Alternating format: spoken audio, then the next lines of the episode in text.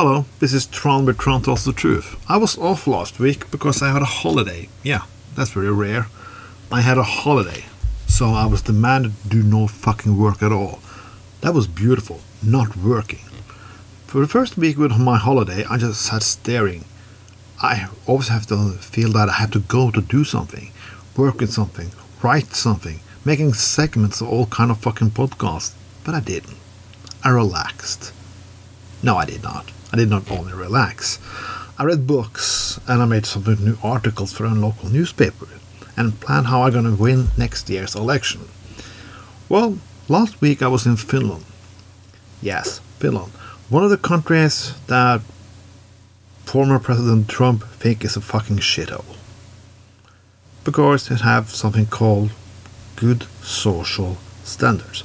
The funny thing about Finland is, well, there's a lot of things funny about Finland, but uh, be on the light side first. In Helsinki, going with dark clothes, being a black metal goth or anything, is just quite normal.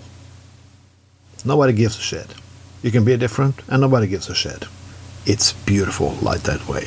I was the public library, who's like a place where you can also play games, rent videos, use 3D printers, all kinds of studies and help. Yeah, socialist hell? No, I thought it was socialist heaven. Why do I think that? Because they, they always said like, if the, the, the free market solve everything. Well, it doesn't. We got more and more billionaires now. They don't give anything. At least some time ago, many, many years ago, even in the Roman Empire, rich people sometimes are not, hmm, not to keep the, uh, the mob angry. We give them something like shows or libraries, public baths, something like that. Today's millionaires, they don't give anything. Today's millionaires and billionaires are the most greedy assholes in history. Even the people that was cut head off in France during the late 1700s was not as greedy as motherfucking people today. I never said I say this because I came from not a poor family. I just admit it. I'm a working class man. I didn't come from a working class family. But I come from a working class. I come from a family who, yeah, who was climbing into society. But it's not climbing anymore. It's not. That day is over. The rich are taking more and more and fucking more. So, I think we should not be that afraid of being called socialist or anything. Why should we be afraid? I will not be afraid even to call the right wingers fascist, greedy, fucking bastards, thieves, asshole, scumbags, shitholes, and fucking everything little bad is. There are no truth anymore. There's no truth in politics because if you just be kind, just give them something, just clap on their hands. We have a crisis in every level there is with war, environment, and so on.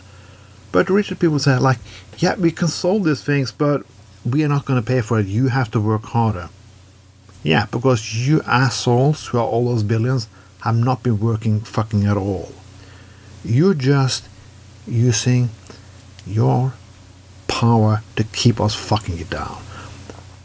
I may I sound like communist now? Yeah, maybe I do. I don't give a fuck anymore. I say, eat the fucking rich. It's about time that some level those people pay the fair share. Even if they pay the fair share, they will still be fucking rich. If you taxed billionaires harder, they will still be billionaires. That's the most absurdity because sometimes I'm talking about jealousy. Like if you tax the rich people's heart, oh well, they have more motivation to st- stay rich or do anything. When you have billions of billions and making more and more money each day, you will not be able to motivate yourself because the state taxed you a little. Go fuck yourself. Billionaires are greedy. We don't need fucking billionaires, trillionaires, or anything. We need to go back and do some revolutionary work. Use Pirate Bay. Steal fucking intellectual property to the rich bastards. Do the fuck you want. Grow your own fucking weed. But most of all, don't show any respect to rich fucking assholes. Don't treat them like kings, don't treat them like queens. Just treat them like a normal douchebag. This was Tron. Tron tells the truth. Eat the fucking rich and have a fucking nice week.